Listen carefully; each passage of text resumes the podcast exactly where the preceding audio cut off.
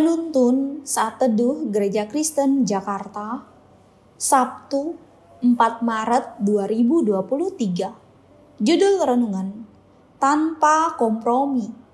Nats Alkitab terambil di dalam kitab Daniel pasal 3 ayat 16 sampai 18 Lalu Sadrak, Mesak, dan Abednego menjawab Raja Nebukadnezar tidak ada gunanya kami memberi jawab kepada Tuanku dalam hal ini. Jika Allah kami yang kami puja sanggup melepaskan kami, maka ia akan melepaskan kami dari perapian yang menyala-nyala itu. Dan dari dalam tanganmu, ya Raja. Tetapi seandainya tidak, hendaklah tuanku mengetahui, ya Raja, bahwa kami tidak akan memuja dewa tuanku dan tidak akan menyembah patung emas yang tuanku dirikan itu. Salah satu pengertian dari kata kompromi adalah menerima atau menerapkan standar di bawah dari yang seharusnya.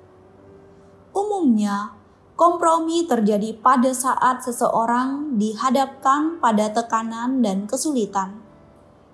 Kondisi itu membuat mereka harus menurunkan standar terhadap prinsip atau kebenaran tertentu. Seringkali, tekanan itu muncul pada saat seseorang berada di posisi minoritas. Ketika ia harus bersikap berada dengan mayoritas, maka ia sedang menempatkannya pada risiko tertentu. Apalagi jika tekanan tersebut disertai ancaman, maka kompromi sepertinya merupakan jalan keluar satu-satunya yang harus diambil. Namun, tidak demikian yang terjadi pada tiga orang tokoh di Kitab Daniel bernama Sadrak, Mesak, dan Abednego. Meskipun mereka berada di posisi minoritas, mereka tetap tidak mau mengorbankan nilai kebenaran yang mereka percayai.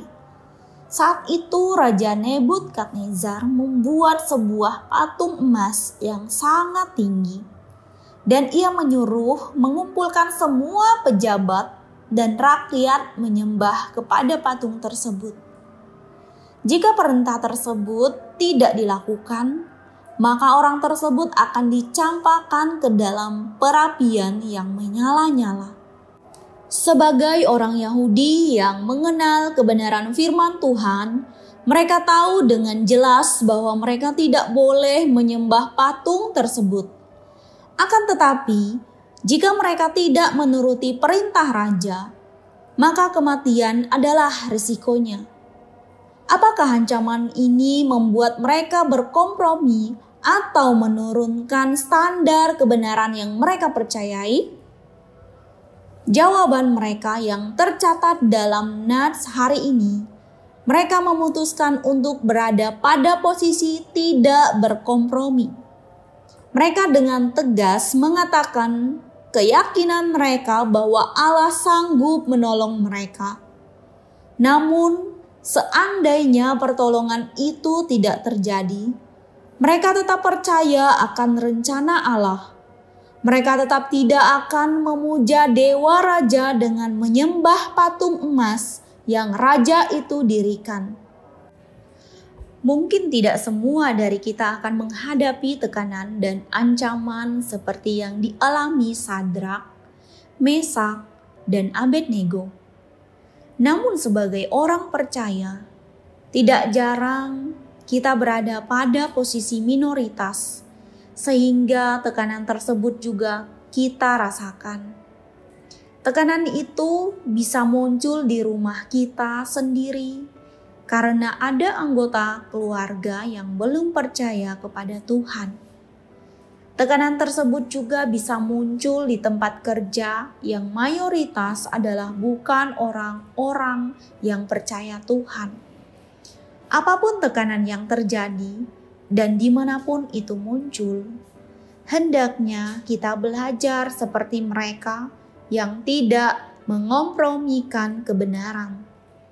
Meskipun ada risiko yang harus dihadapi, namun kita percaya tetap ada anugerah dan penyertaan Tuhan yang memampukan kita menghadapi segala tekanan dan ancaman tersebut. Ketika iman kepada Tuhan mengalami tekanan dan ancaman, maka seharusnya sebagai orang percaya tidak mengambil langkah untuk berkompromi.